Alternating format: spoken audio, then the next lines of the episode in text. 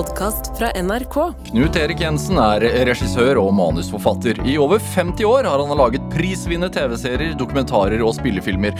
Ofte med utgangspunkt i nordnorsk historie og kultur. Blant annet publikumssuksessen Heftig og begeistret. Nå er 83-åringen klar med en ny spillefilm som det tok ham ti år å lage.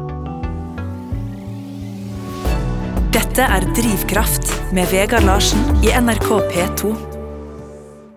Knut Erik Jensen, varmt velkommen til Drivkraft. Takk, takk, takk. Hvordan har du det? Som vi sier i Finnmark, jeg har det som kongen i egget.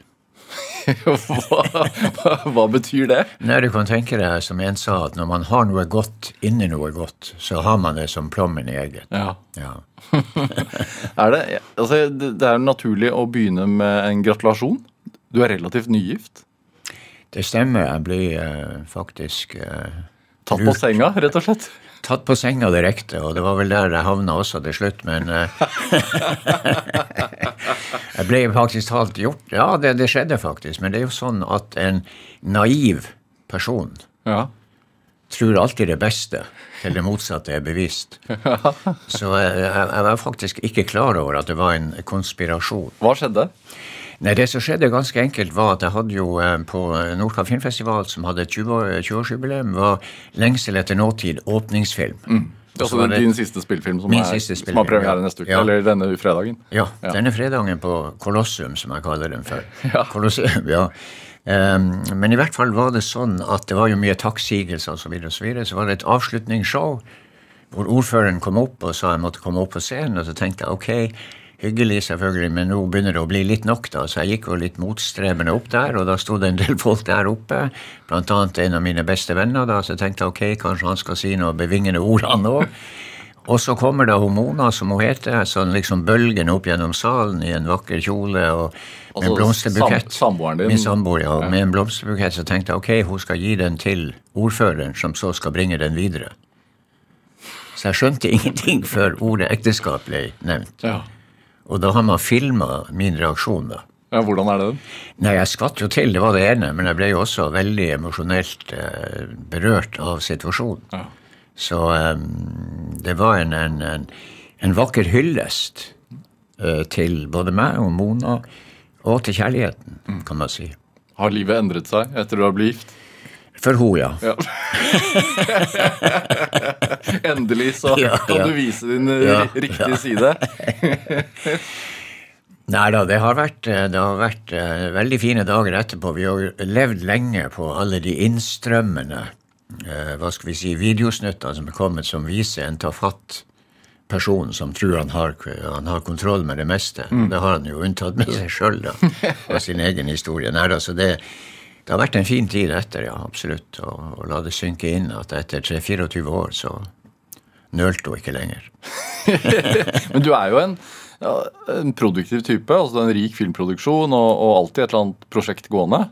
Men er du treig på privaten? Mm, Ja, jeg overlater egentlig, hva skal vi si, hurtigheten til min uh, samboerske. Ja. Ja. Hun er hurtig og passer på det meste. ja. Og det er det jeg sier, at, altså, at menn er egentlig, sånn som jeg oppfatter det, meg sjøl inkludert, hjelpeløs uten kvinnfolk. Egentlig. ja det, og det mener du? Det, det mener jeg fullt ut. Ja. Jeg har jo døpt nå menn-eskeheten over til kvinn-eskeheten. Ja. Hvorfor det? Jo, for det heter jo eksempel til og med kvinner på engelsk heter jo women. Og i flertall heter det menn til og med, vi menn. Ja. Og så snakker vi om humanity når vi ser oss rundt i dag, ikke sant? Så, så um, jeg har akkurat eh, skal få tak i en bok som heter 11% som er skrevet av en eh, dansk forfatterinne som kommer fra Kautokeino opprinnelig, men som har dansk og norsk eh, aner i tillegg. Og har skrevet en bok som heter 11 Det er det hun mener at kvinne, en kvinnestyrt eh, samfunn trenger bare 11 menn for å klare seg. For hun sier menn er for farlige til å gå løs. Fritt rundt. Hva tenker du? Jeg tenker at hun er inne på noe. Ja. Jeg kjenner meg sjøl, blant annet. Det er jo hvis, man, hvis man ser på, på filmografien din, altså filmproduksjonen din, så er det ofte mye sterke kvinnelige hovedroller. Det er det. det er det faktisk i alle mine, i alle mine spillefilmer og i mange portretter jeg har lagd da. Og jeg husker det sto i sin tid på, på Norsk Filminstitutt, når du skal søke om midler der, så står det til slutt hva er etter din mening eh, grunnen til at det er så få kvinnelige regissører? Og da sier jeg at de har en helt annen dramaturgi. dramaturgi. Altså Menn har jo den konvensjonelle dramaturgien som handler om at lager du en kanon, så sjekker du om den treffer. Og Hvis den ikke treffer, så justerer du litt på siktet. Så går det et par boligblokker litt sånn småpusk ned. da, Men du er fornøyd. Det fiksa, du ordna det. Og hvis du skriver da alle dine ting i den rasjonelle, konvensjonelle måten, så faller ofte, etter min mening, da, kvinnfolk utenfor. For jeg innbiller meg i min naivitet at de har en annen form for Kall det gjerne dramaturgi, men i hvert fall en mer Det er akkurat som jeg bruker å si, at jeg skulle hatt kamera til stede når fem kvinnfolk sitter sammen og prater, og har forskjellige historier gående, men klarer å følge med Ja. Hverandres historie. Og så går det på assosiasjoner hele tida. Liksom når den ene sier noe, så kommer den andre med sitt, osv. Altså, det er Jeg skal ikke si at det er uten logikk, det er det jo ikke, for de klarer jo å holde trådene. da. Men det er klart, hvis du kommer med et sånt manus, la oss nå si til en mannlig konsulent, så skjønner han jo ikke bæret av det som står der. Hvordan er din dramaturgi ofte? Min dramaturgi er det som jeg bruker å kalle for den uforutsigbare dramaturgi. Ja. Det vil si, hvis han Vegard Larsen går ut herifra, så vet han ikke om han får en takstein i hodet eller ikke. Men i en amerikansk film så blir det oppklart underveis. Så du kan si det uforutsigbare. Det er jo det livet består av. Jeg visste jo ikke at jeg skulle bli gift, f.eks. Selv om jeg kunne ha en viss anelse. da. Men det var jo ikke bygd opp til noe dramaturgi i og for seg, som jeg var en del av. Men er det, hvordan er det da for deg at det er en film om et mannskor som ofte blir dratt frem?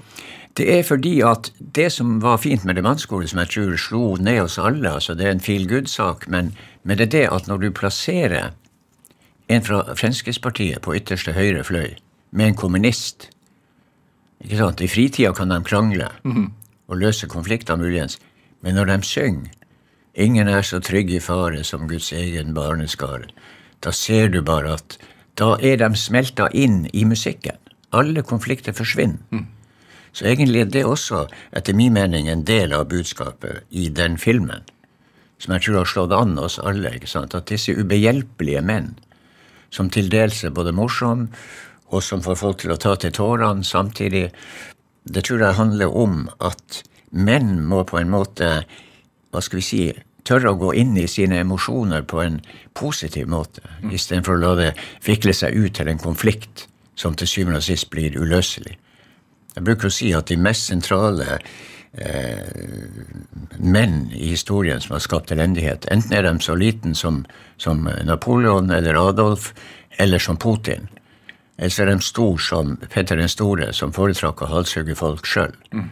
Altså det, det, det er menn i sånne posisjoner som, som eh, på en eller annen måte Jeg vet ikke hva som Altså, jeg prøver jo å finne ut intellektuelt og sånn forståelsesmessig hva, hva, hva er det som driver sånne folk?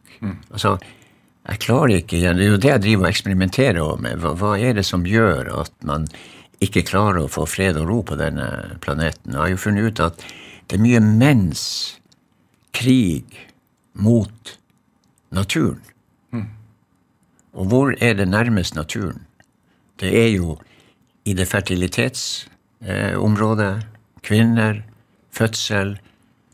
Husk på at når en kvinne føder, så er det en legemsdel som blir tatt ifra dem. Så, så det, er det, det er mulig at det er både mm, noe som man veldig mye støter på i de, i de østlige områder. Det at man tør å være sentimental, man tør å være emosjonell. Det er ikke, det ikke, ikke skjellsord. Altså disse ordene som man sier er liksom private ting. Det er helt naturlig, og det tror jeg altså mange menn skjermer seg mot. Det er jo derfor den eh, siste, ofte det siste en soldat sier før han liksom trekker sitt siste sukk, det er 'mamma'. Dette er Drivkraft med Vegard Larsen i NRK P2. Og i dag er eh, filmskaper Knut Erik Jensen her hos meg i Drivkraft eh, på NRK P2. Det er jo Du er filmaktuell nå. Jeg leste et sted at du er Norges eldste eh, arbeidende filmregissør.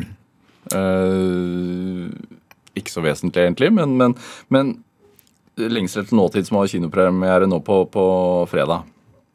Tatt, som jeg sa i introduksjonen her, ti år å lage. Ja, når du sier eh, Norges eldste filmskaper, så vil jeg snu opp ned på det. Så vil jeg si jeg er den yngste filmskaperen. Jeg driver jo enda og eksperimenterer med film. Ja. Altså, jeg er jo enda inne i en kunstnerisk og hva skal vi si, i en prosess som gjør at, at, at uh, det er svært få, heldigvis vil jeg si, for konkurransen er jo veldig liten på mitt felt, så kan du si at, at, uh, at jeg føler enda at jeg er i full gang med å videreutvikle min såkalte kunstneriske åre. Mm. Mens de fleste er satt, når de har vært tre runder innom Norsk Filminstitutt, så er de satt inn i den mer tradisjonelle måten å gjøre ting på. Stort sett, da.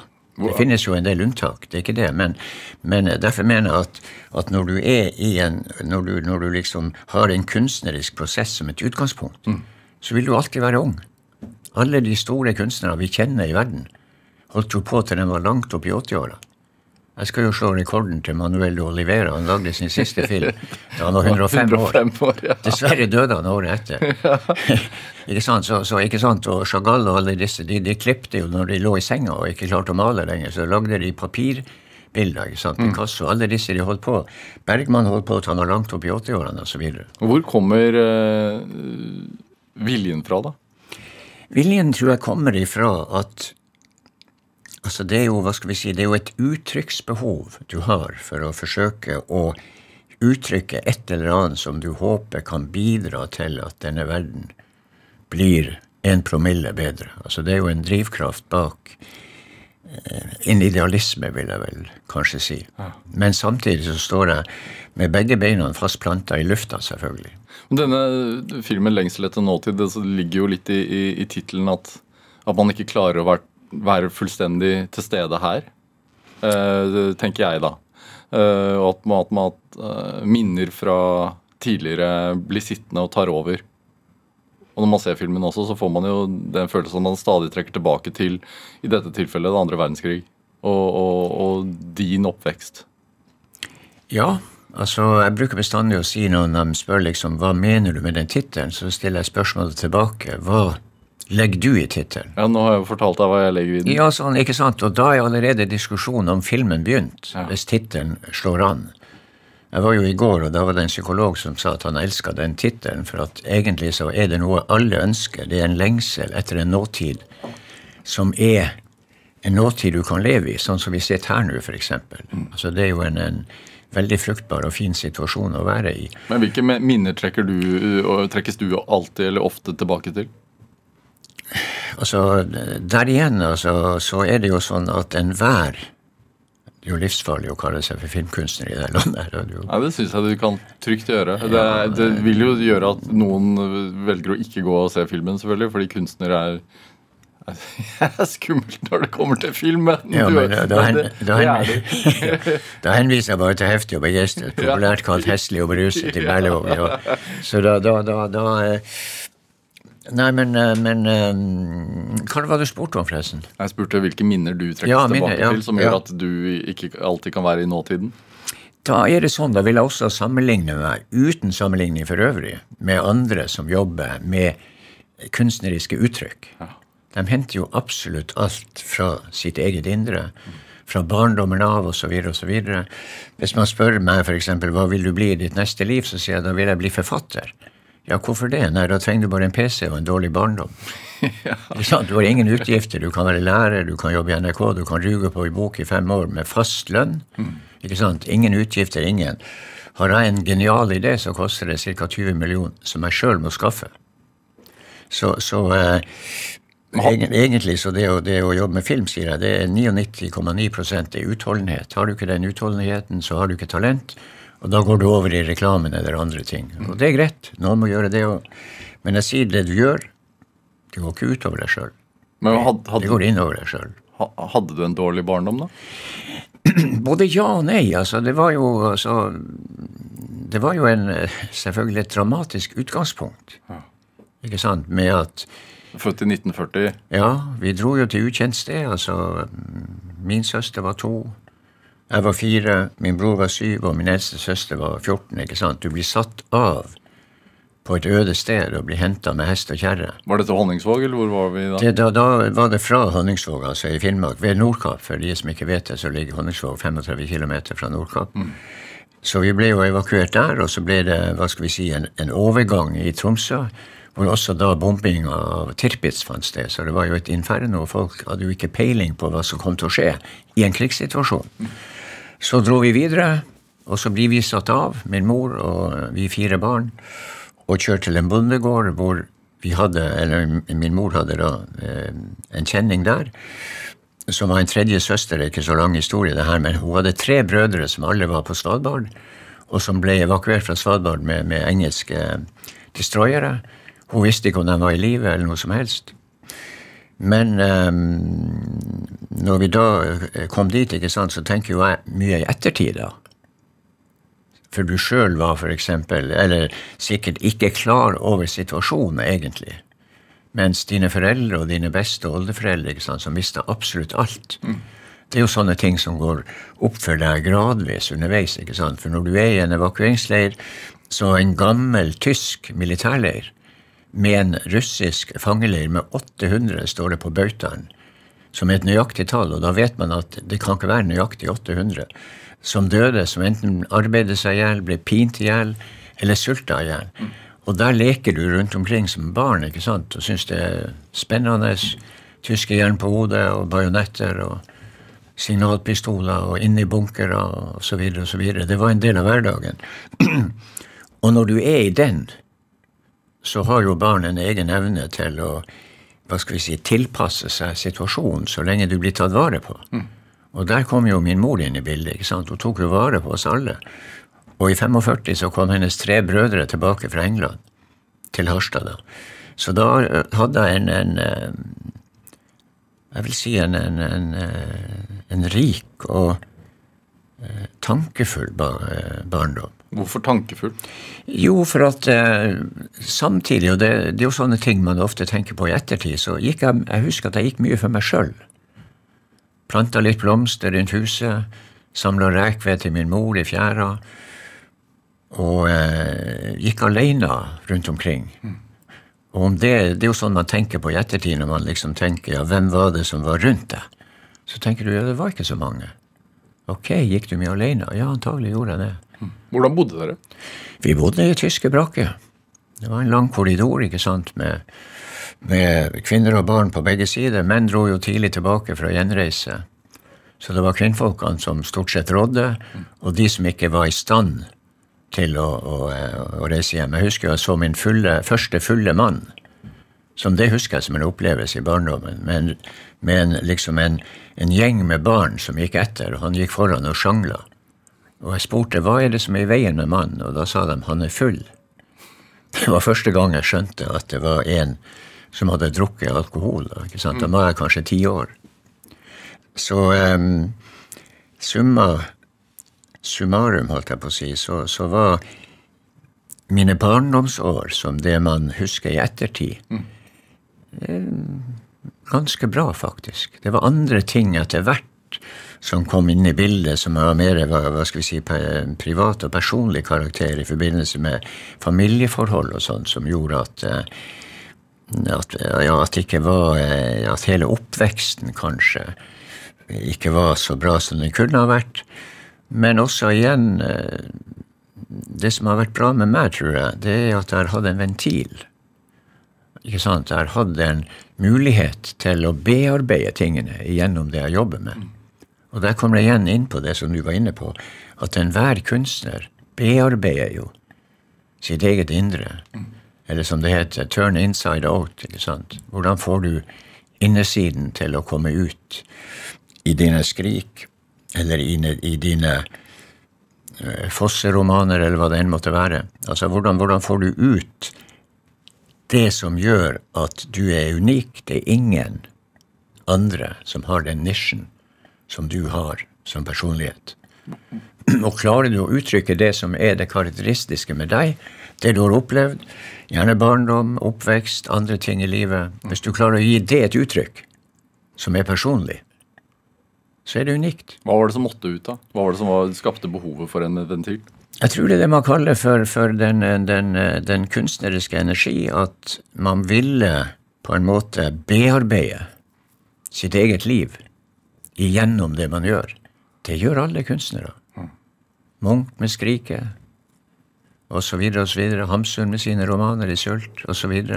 Altså alle som jobber unikt med et kunstnerisk uttrykk, prøver å gi uttrykk for kaoset inne. Og Dermed er det også sagt at du kan aldri vite hva resultatet blir. Hvor tidlig skjønte du det? Jeg skjønte det faktisk eh, da jeg var tolv og et halvt år. Da var jeg i guttemusikken, som det heter, i Honningsvåg og spilte eskornett. Det vanskeligste instrumentet du kan tenke deg. Som eh, dirigenten personlig ga meg. Ja, Dere hadde flyttet tilbake? Da var vi flytta tilbake igjen, ja. Flytta tilbake i 51. Ja. Så da var jeg i guttemusikken, og da skulle vi da dra på en verdensomseiling til Gjøvik. og der var det 7000 gutter. Hvor langt sør hadde du vært før det? Nei, jeg hadde jo vært da til Harstad. Men det heter jo i vett og uvett at han har ikke sett lite av verden som har sett Tromsø. Så, så, så, sånn sett så Men det, ikke sant, altså alle da, du fikk jo med deg litt lommepenger. Og det ble vifta med en hundrelapp til meg. ikke sant? Det var jo fantastisk mye penger. Så de fleste kjøpte iskrem for første gang, og seriemagasiner. Jeg kjøpte et fotoapparat et bakelitt Kodak til krone 25. Hvorfor i all verden? Jeg gjorde det av at da satt jeg også inne jeg tenkte hvis jeg drar til Gjøvik og kommer tilbake uten bilder, så er det ingen som tror jeg har vært der. så jeg tok mange bilder der, og de bildene har jeg sett på i dag. altså La oss si uh, hva det blir. 70 eh, år etterpå. Mm. For å sjekke komposisjonen. Er det noe der som tilsier min genuine visuelle energi? Ja, Hva ser du? Ja, jeg ser faktisk tendens til det. Jeg har, klart, jeg har klart å komponere bildene på en sånn måte at jeg i dag skal forstørre dem og lage en stor utstilling med disse bildene. Hvor viktig er selvtillit når man uh, velger det yrket du har gjort? Altså, eller kallet, eller kall det hva du vil, men altså Hvis du stoler på at, at det er noe du vil si ja. som er viktig, så betyr det at da er selvtilliten en, en, en del av det. Hva fortalte du da du kom hjem da fra Gjøvik? Nei, da fortal, Jeg fikk jo filma fremkalt, da. Nei, Da fortalte jeg at det hadde vært fantastisk. Og høydepunktet der Det her var, det var 12 15 år. Høydepunktet var når vår dirigent, som heter Sedolf Eilertsen, et fint fornavn, Sedolf Det er veldig mye et nordnorsk navn ofte. Eh, han dirigerte 7000 ungdommer som spilte Ja, vi elsker. Det var stort. Ja. Hvorfor rørte det deg? Nei, det Hva man skal si? Det var vel det at vi kom fra intet. På en måte, ikke sant? Vi kom jo fra, fra brakker og, og ja, alt mulig som du kan tenke deg som skjer i et sånt samfunn.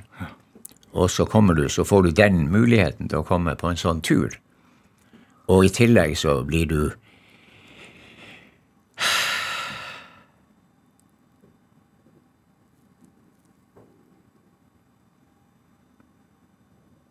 Hvor lang pause har vi? så lenge du trenger. Så lenge jeg trenger. Nei, altså, det var, det var et eller annet Det var, det var en Hva skal vi si En, en, en Jeg hadde jo ordet. Det var en, en inkludering, mm. tror jeg. Som vi følte da. Ja, Som du ikke hadde følt på før? Ja. Er det Hvordan var det utenforskapet du hadde følt på, da? Nei, utenforskapet, det, det, fikk du jo erfare i, i barndommen. Altså i, i, um, i, det første Når du var um, Jeg skal bare ta meg en kaffeskvatt her.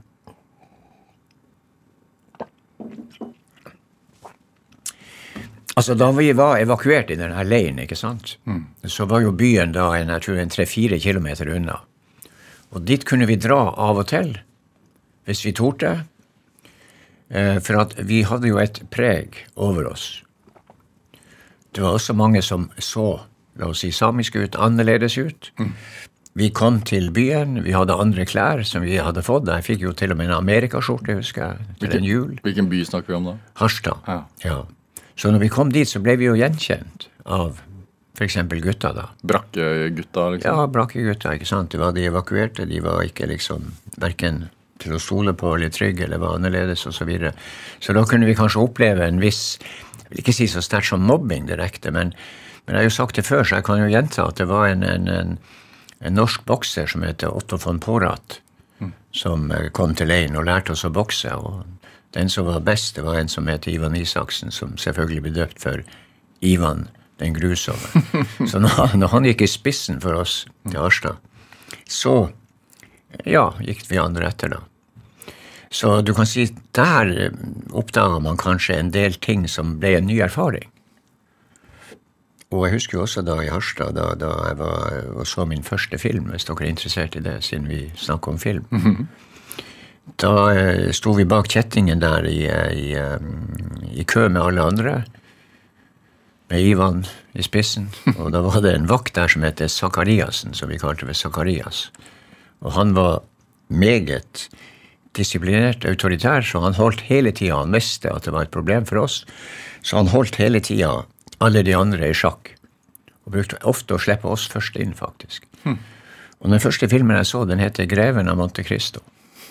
En dramatisk film med massevis av fanger i fangehull, mm. med hår og skjegg som den skulle kveles i, og det ene med det andre. Midt under forestillinga så følte jeg et visst behov for å gå på et dertil egnet sted. Toalettet, for å si det på den måten. Mm. Og da sto valget mellom å sette filmen ut, som var veldig spennende, eller å ta konsekvensen av at du var, for å si det sånn, pissatrengt. Mm -hmm. Og jeg bestemte meg for det siste. Og det gikk altså ned gjennom låret på, på buksa, men jeg passa på at det gikk inn i skoen. Så jeg satt ut hele forestillinga og lista meg ut etterpå med en liten bekk etter meg. Det er min første filmopplevelse som jeg husker. Så det er klart, altså, med en sånn opplevelse så måtte du jo gå den veien. ja, Vil ikke gå glipp av et sekund? Nei, ikke sant. Greven av Monte Cristo, ja. ja. Men det var jo da en virkelighetsflukt? Ja. En virkelighetsflukt er jo noe som, som eh, selvfølgelig alle har, har eh, behov for. Det er jo derfor man går det er vel bevist nå at spiser man fastfood i tre måneder Michael Moore har vel sagt det. så Det første så går det vel kanskje hjernen, og så går resten av kroppen, liksom. Ja. Så hvis du, bare, hvis du bare baserer ditt liv på fast food, mm. det være seg underholdning eller hva det enn måtte være, så visner du jo bort. Du får jo ingen utfordringer til å utvikle noe annet enn ketsjupen, holdt jeg på å si. Så, så um, vi må ha alle ting selvfølgelig til sånn som i dag. Altså, hvordan skal man leve sitt vanlige, normale liv i den situasjonen som verden står i i dag? Ja, Orker du nyheter nå? Både ja og nei. Man må jo på en måte følge med, men, men eh, jeg merker det at det, det, det, det er hardt å ta det inn over seg. Jeg var jo i sin tid i, i Gaza med Mats Gilbert og var faktisk vitne til, og også fysisk vitne til, den ydmykelsen som man må gå igjennom for å komme inn i Gaza mm. og komme ut av Gaza. Og de som jobber på Vestbredden, som skal frem og tilbake, og fra Gaza som jobber i Israel, de må igjennom en, en kontroll og en ydmykelse som tar veldig, veldig lang tid. Altså hvor de bare må bøye nakken og akseptere det sånn som det er. Og da, da, var, det, da var det, det var sterke opplevelser. Og en av de sterkeste opplevelsene var den måten Mads Gilbert ble mottatt av av sine kollegaer. Jeg har jo gjort et portrett med han som heter akutte mennesker'. Jeg tror det har vært vist i NRK. Og da lagde jeg en sekvens som bare handler om kyssing. Det var en sånn 10-15 leger som kyssa han sånn på alle kinnene. Jeg lagde en rask montasje på det. Og det første han gjorde når han kom inn i Gaza, var at han bøyde seg ned og kyssa jorden. Mats. Så det var, det var sterke opplevelser. Da fikk jeg også assosiasjoner til min egen situasjon. Uten den grusomme sammenligninga, selvfølgelig. Men det er jo sånn at det er alltid en, en tid før, under og etter en krig. Og det du tar med deg etterpå, i generasjoner, viser det seg, lever jo videre. Mm. Og jeg er så heldig som sagt at jeg har en ventil jeg kan bearbeide disse tingene i Lengsel etter nåtid, f.eks. Mm. Eller i andre ting jeg har gjort. Det Du snakker om generasjoner. også Datteren din spiller jo hovedrollen i denne filmen. Eller en, en vesentlig del av den. Eh, hvor mye har dere pratet om din bakgrunn eh, før dette her? Mye. Jeg vil si mye. Absolutt. Det er jo også en, en, en, eh, et problem når foreldre skal liksom fortelle sine barn om det fantastiske livet de sjøl har levd. Altså. Mens de er på vei inn i sitt eget. ikke sant? Altså Et barn som blir født, starter jo sin frarivelse fra foreldrene fra det første skriket for å komme seg unna og begynne sine egne liv. Men, men hvis du krydrer det litt og, og har litt sånn storytelling i bunn, så, så er, vil jeg si at de har hørt og, og vært interessert mm. hvor, hvor, i mye. Hvor mye fortalte dine foreldre deg? Lite. Veldig lite. For at det var også, som jeg ikke nødvendigvis går inn på her, men det var en dramatisk familiesituasjon. Sånn at eh, det var mye som var skjult. Det var mye skam. Det var mye fortrengte ting. Min søster, som døde faktisk i fjor, hun var 92 år gammel. Og jeg tror to-tre år før hun døde, fortalte hun i detalj det som skjedde akkurat de timene og de dagene hvor vi ble evakuert. Mm, for hun var mye eldre, så hun husket det? Ja, hun var 14 år. Mm. Så hun huska absolutt alt. Og hun hadde ansvaret for oss fire, oss fire, da. For de andre var liksom rundt i terrenget for å prøve å ja, å få greie på hva som skulle skje. ikke sant? Så hun hadde på en måte skulle ha kontroll med oss fire, da. Og det var to fire, syv, og hun 14. Hva gjorde inntrykk på deg i forhold til det hun fortalte? Det hun fortalte, og, og som gjorde at hun var skrekkslagen, det var det at hun hørte, hun hørte støveltramp og rop og skrik på tysk på yttersida, folk som sprang imellom. Og, og banka på døra, faktisk òg, som var låst. Så, så, hun fortalte mange Hva hadde skjedd hvis døra ikke var låst? Jeg tror ikke det hadde skjedd noe som hva skal vi si, noe fysisk eh, i den forstand. Det tror jeg ikke, for det var jo barn. Og, og du kan si overfor de evakuerte så oppførte de seg rimelig sivilisert, da, de fleste. Så jeg tror ikke det ville ha skjedd noe der. Men det er klart at, at plutselig å, å få tre-fire eh, soldater med, med, med, våpen rett inne på et rom. ikke sant? Det, det setter jo et stykke i deg. Og det var mange det skjedde med. Jeg hadde en god venn. Han sa han skulle springe opp. Han var, var hobbyfotograf. Han hadde massevis av bilder og, og, og, og kamera av forskjellige slag. Han skulle springe opp i siste liten for å berge det og bli stoppa. Så alt gikk opp i flammer og røyk. Og det var hans på en måte amatørmessige livsverk. Så når jeg snakka med han mange herrens år etterpå, så var det det første han sa. Altså alt det andre ikke sant, Det første du sier, er kanskje det som har gjort sterkest inntrykk på deg. Mm. Hadde en annen som nå døde. Han sa når jeg drømmer, så går jeg ut i den gamle byen. Og nå er det bare kirka igjen. ikke sant? Så det er klart at sånne ting går jo i arv. Mm. Til meg underveis, og også til mine. Hva med deg, da? Hva ville du sagt? Mm, hva du tenker på i De minnene, de sterkeste minnene. Eh, som er mine sterkeste minner. Jeg bruker å si de tre første tingene jeg kan si 100% klart at jeg husker, og som jeg har sagt før, sikkert i mange sammenhenger, det er da vi er evakuert til denne bondegården. Og jeg husker meg sjøl på en øde vei, i hvert fall fortonte det seg sånn, som en mørk, øde vei. Og så var det skog tett innpå den veien, på begge sider. Og jeg kom jo fra Magerøy, ikke sant, og der er det ingen trær. Så jeg regna jo med at det var en trollskog, ikke sant. Så jeg husker bare at jeg var livredd og sprang. Helt til jeg våkna, tydeligvis. Mm. I den skogen. Og det andre var at jeg ble løfta opp på en hest mot min vilje. Og jeg husker jeg skreik og ville ned, jeg skreik og ville ned, og alle flirte. For de regna med ikke sant, at du var barn osv. Det her kunne du tåle. Og det tredje var at midt på tunet så lå det en død mann med lokket på kista av, som alle måtte gå forbi og se på. Så jeg ble løfta opp for å se på denne mannen. Det er de tre helt konkrete første tingene som jeg husker klart. Knut Helge Jensen, hvorfor, hvorfor vender du alltid tilbake til krigen? Jo, for den er altoppslukende. Den er ikke menneskeheten verdig, så på en måte Og husk jeg sa, nå sa jeg igjen menneskeheten. Mm. Altså, den, den, den, er, den, er, jo et onde, for at den, er en slags start på og forlengelse av krigen mot naturen. Vi står nå oppe i en klimakrise, og hva kommer den av? Den kommer av, og hva er resultatet av den? Blant annet synkende fertilitet.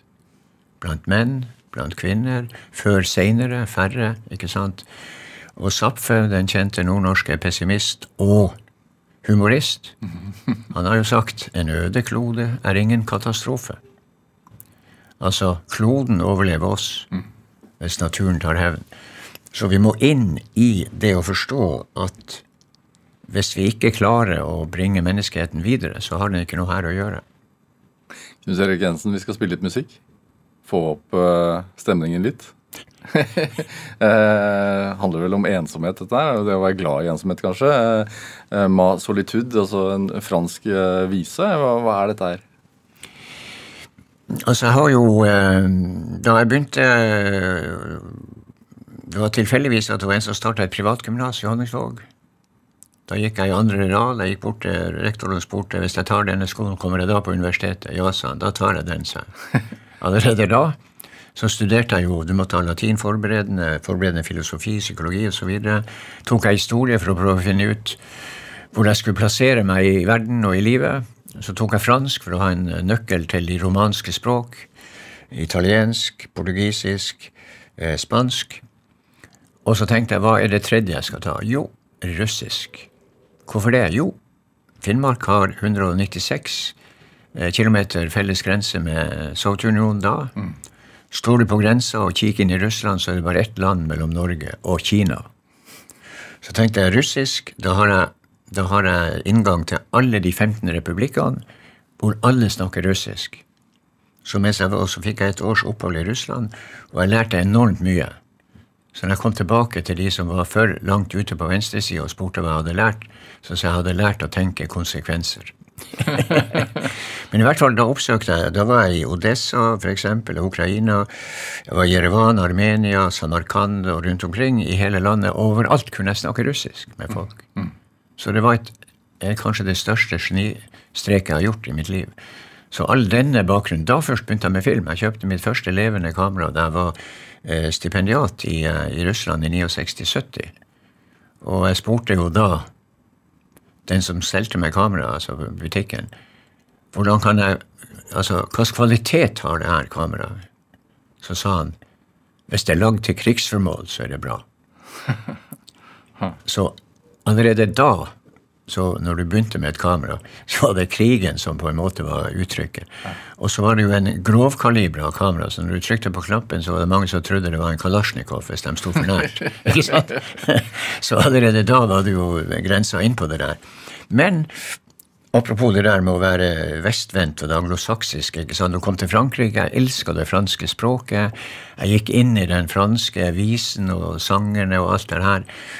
Og, og Georges Brassens, Juliette Greco Jeg skal ikke nevne alle som ingen vet navnet på. Men altså, jeg ble jo helt fascinert av det franske uttrykket og fransk film og i det hele tatt. Så det har fulgt meg hele livet. Så stort sett når jeg er alene, så spiller jeg fransk musikk, for det er jo ingen andre som vil høre på det, selvfølgelig. Og så ble jeg opptatt av russisk musikk, georgisk musikk, armensk komponist, Komitas f.eks., osv. Så, videre. så jeg har, jeg har den dragninga den veien også mot kulturen. Skal vi høre, høre litt? Vi hører litt på den ensomheten, ja.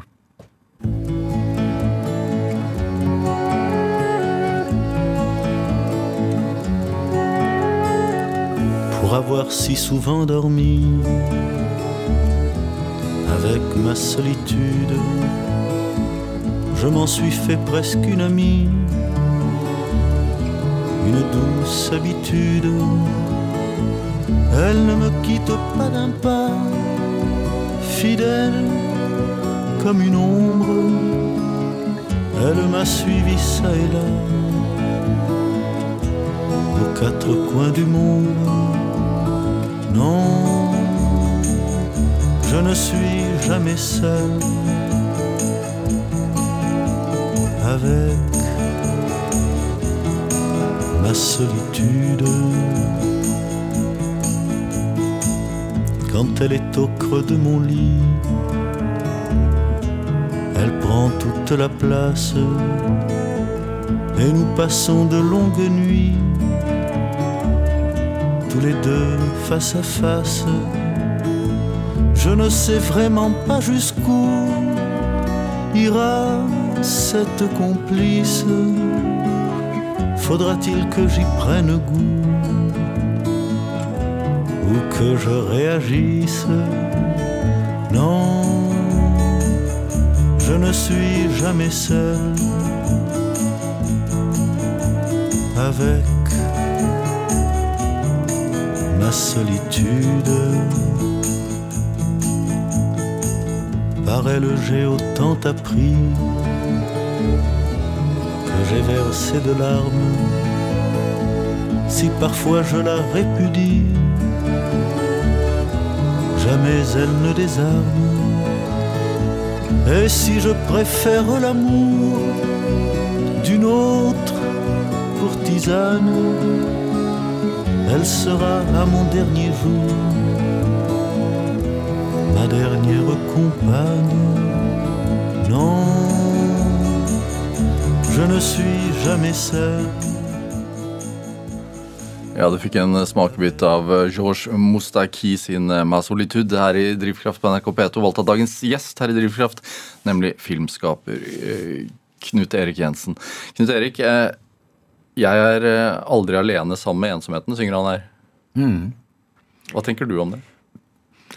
Han sier at uansett hvor mange han møter det ene med det andre, så har han en trofast ledsager. Og den ledsageren er jo da ensomheten, som alle innerst inne har, kan man si. Kanskje også spesielt de som jobber med kunstnerisk virksomhet, for de har ingen, de har ingen andre, holdt jeg på å si, og sånn fundamentalt sett å forholde seg til enn eh, sin egen energi for å skape noe som ingen vet om, eller som man sjøl heller ikke har kontroll over før resultatet foreligger. Så i den perioden så tror jeg nok alle som driver på med kunstnerisk virksomhet på en eller annen måte, føler på den ensomheten. Som samtidig selvfølgelig er allmenn for alle, men som kanskje er enda sterkere hos de som, som har et uttrykksbehov for å plage andre, holdt jeg på si. Er, er den ensomheten også en, en nødvendighet? Jeg tror den er en uh, nødvendighet. Nå er jo jeg en, en, en- person som eh,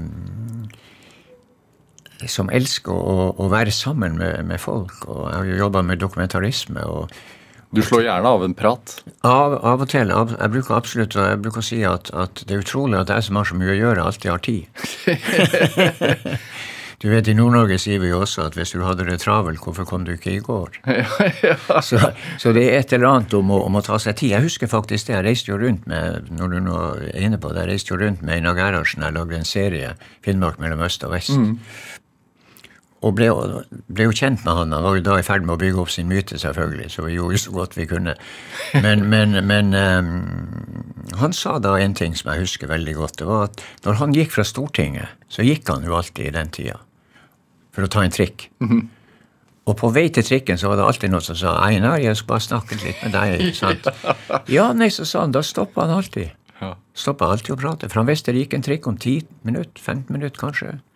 Så den tida tok han seg. Når du eh, går fra huset ditt eh, i Honningsvåg til butikken, hvor lang tid tar det da?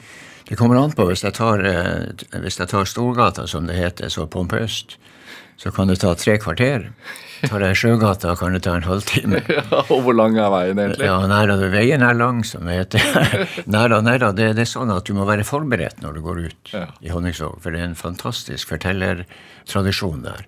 Så du må ha to-tre gode ting på lager. Så den første du møter, liksom, når du sier hvor det går, og så smeller du i han en, en god replikk. Og så prøver vedkommende å svare, og klarer som oftest å svare. Men da har du nummer to klar, ikke sant? Og da blir de litt dårligere, ikke sant? Så sier du ha det, og så går du videre, ikke sant? Der har han noe å tenke på, ja. Ja, ja, ja. ja, ja. Det, det er faktisk sant, men nå har jeg jo røpa det, vet du. Ja. For, for de som ikke har vært der, hva slags plass er det? Honningsvåg. Altså, det er Jeg holdt på å si, vi har, en, vi har en rundkjøring midt i sentrum. Som ikke anbefales for trailere, da. og der er det en sånn brun Hva heter det? En sånn brun eh, eh, brostein i midten. Og så er det en brun eh, brostein i midten av den rundkjøringa. Og den kalles populært for brystvorten. og står du der og ser deg rundt, så er du i sentrum av verden. egentlig. Hvorfor det? Jo, for du er ved Nordkapp, du er ved Barentshavet. Det kommer 300 000, eh, 300 000 terrorister dit hver sommer. Hva mener du med, med, med, med cruise, er det det du mener? Ja. Men det de sier, det er fake news, ikke sant? Men de kommer dit fra hele verden. Ja. Og så er det den siste havna før Østhavet, før du får østover mot Russland. Og det er den første havna etter Østhavet. Så det er losstasjon der. Det er fiskeri. Og, ikke sant? Så, så det er en, et sted som er veldig internasjonalt. Og levende revysted. Og levende revysted, hvor jeg har stått på scenen mange en gang. Vi har faktisk en som kom etter krigen, en, en nederlender, som heter Faen Ingen til etternavn. og det hadde vi på scenen flere ganger. Når folk gikk forbi, så sa vi 'Hvem var det?' Nei, det var ingen. Så vi hadde jo tusen varianter, og så bantes vi. Tok telefonen, skal vi snakke med ingen? Nei, han er ikke her. Er faen ingen. Ikke sant? Og så videre og så videre. Vi gjorde jo tusen muligheter av det. Så på revyen har man vært med. Så møter man det folkelige, da har man nødt til å uttrykke seg folkelig. Og, og det, det, det er stor stas. Men det med, det med den at du er midt i, midt i verden, som du sier. Ja. Eh, hva gjør det med mentaliteten? Jeg tror mentaliteten gjør til at det er et åpent sted. Ja. Ja, det, det, det er et veldig åpent sted, vil jeg si. Altså, du, du det, er sånn, det er jo pinlig for mange som kommer. sant? Du stiller en spørsmål om hvordan går det, og så videre, og til en tilfeldig person. Og så liksom, ja, Er du gift, har du barn, er du skilt? ikke sant? Det går fort, det går veldig fort før du vil ha liksom personalia. Hvem er det, og hva gjør du her? ikke sant? Altså, det, det er veldig ofte det som skjer. altså at det er en det er en åpenhet mot, altså en nysgjerrighet mot de som kommer. Og husk på etter krigen, i gjenreisninga, så kom jo folk hele, fra hele Norge og faktisk fra Danmark og andre plasser frivillig for å være med i gjenreisninga. Og det var en trønder som, som ikke ville bruke vateren, for han påstod det var bubbel i det. ikke sant? Sånn at det er masse sånne ting. Det var vann i vateret. Ja, ja, ikke sant? Så, så um, Og så med Nordkapp, da Ja. som er liksom Og husk på, det er det største internasjonale ikon som Norge har i reiselivsnæring. Det Altså, det, det er ingen som, ingen som sier jeg skal dra til Oslo. Det er ingen som sier ok, jeg skal dra til en fjord på vei til Nordkapp. Alle drar dit. Og når du vet det, så vet du også at det er internasjonalt. det med internasjonalt og utferdstrang, for det hadde du jo tidlig. Og som du sier, reist rundt i, i Sovjetunionen da, daværende, og, og eh, Frankrike, London har du vært og studert. Og hva, hva, hvorfor det?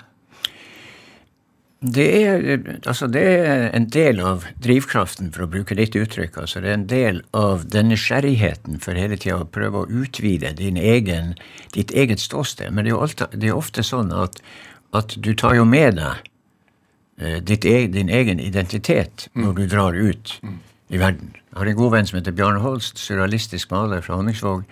Han sa jeg kan ta frem landskapet på Magerøya uansett hvor jeg er i verden med prestekraver og fjell og fjorder osv. Så, videre.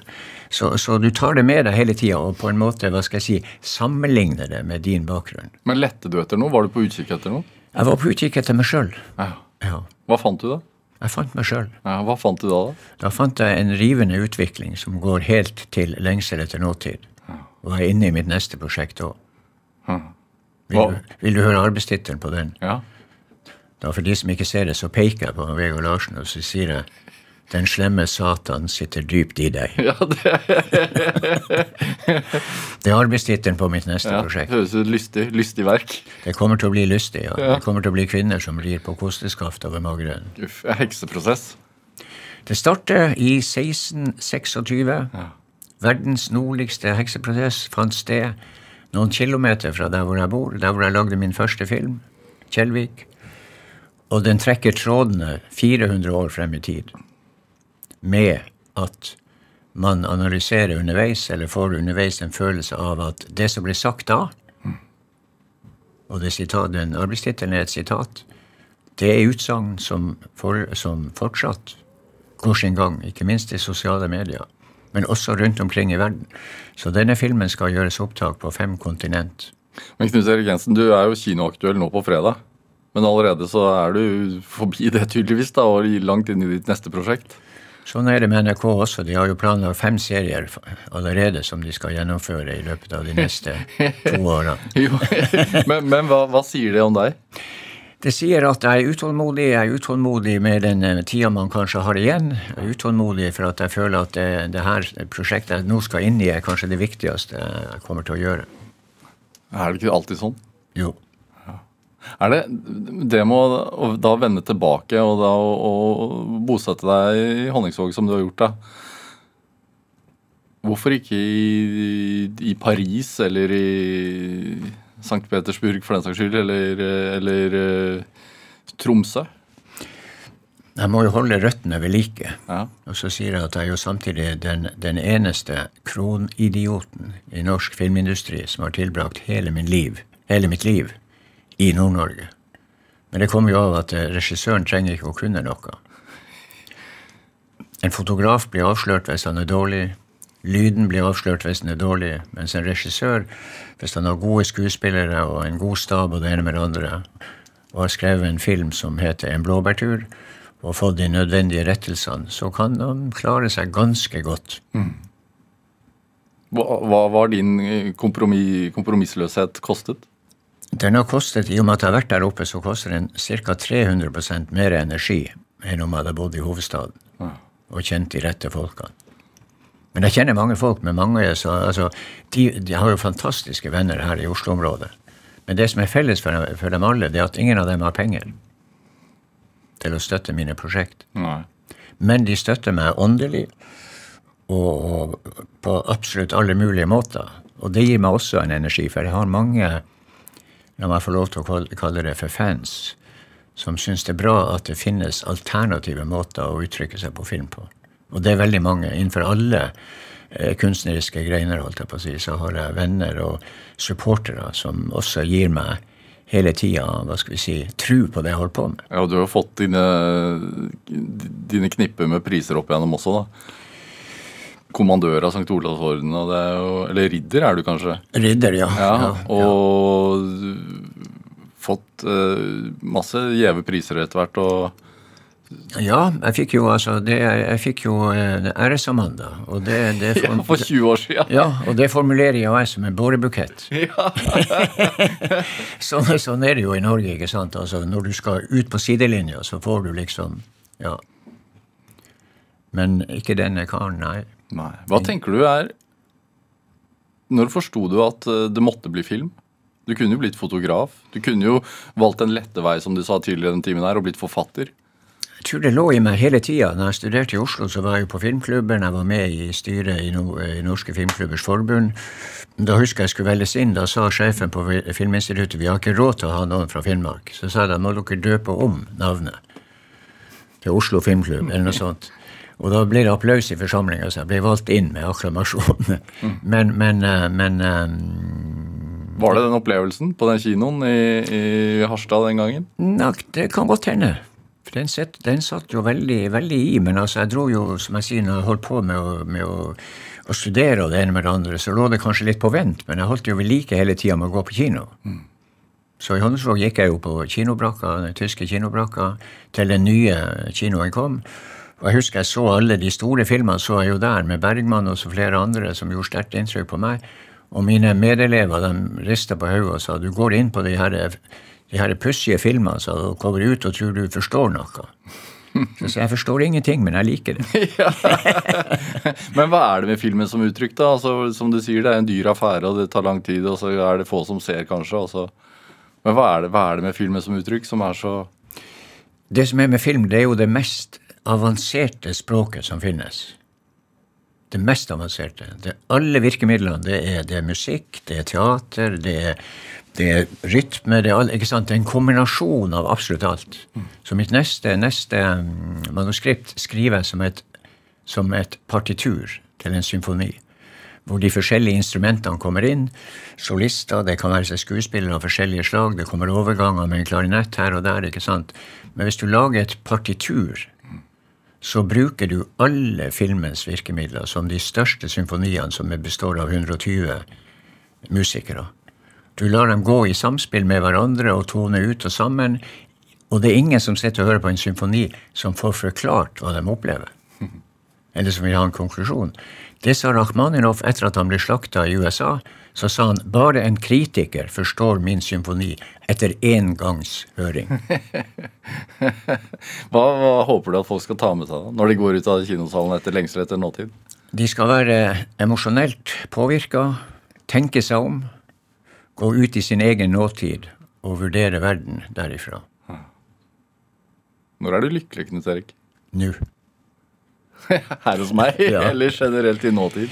Generelt så må jeg si det at, at, det sa jeg til mine barn ganske nylig nå, når man ser alt som skjer her i verden. og jeg satt på flyet og så den her kavalkaden du får som Apple legger ut på telefonen. Og da så jeg alle de familiesituasjonene vi har, ikke sant? hvor vi er rundt omkring på ferie, vi er og plukker bær osv. Og, så videre, og så tenkte jeg vi har det så vanvittig godt at hele verden burde ha det sånn som vi har det. Våre problemer er ikke engang rusk i planeten. Hva er drivkraften, da? Drivkraften er å bringe både denne hva skal vi si, kunstneriske ensomhet ut til andre, sånn at de kan dele den med meg. Det var fint. Knut Erik Jensen, tusen takk for at du kom til Drivkraft. Lykke til med premieren. Takk, takk.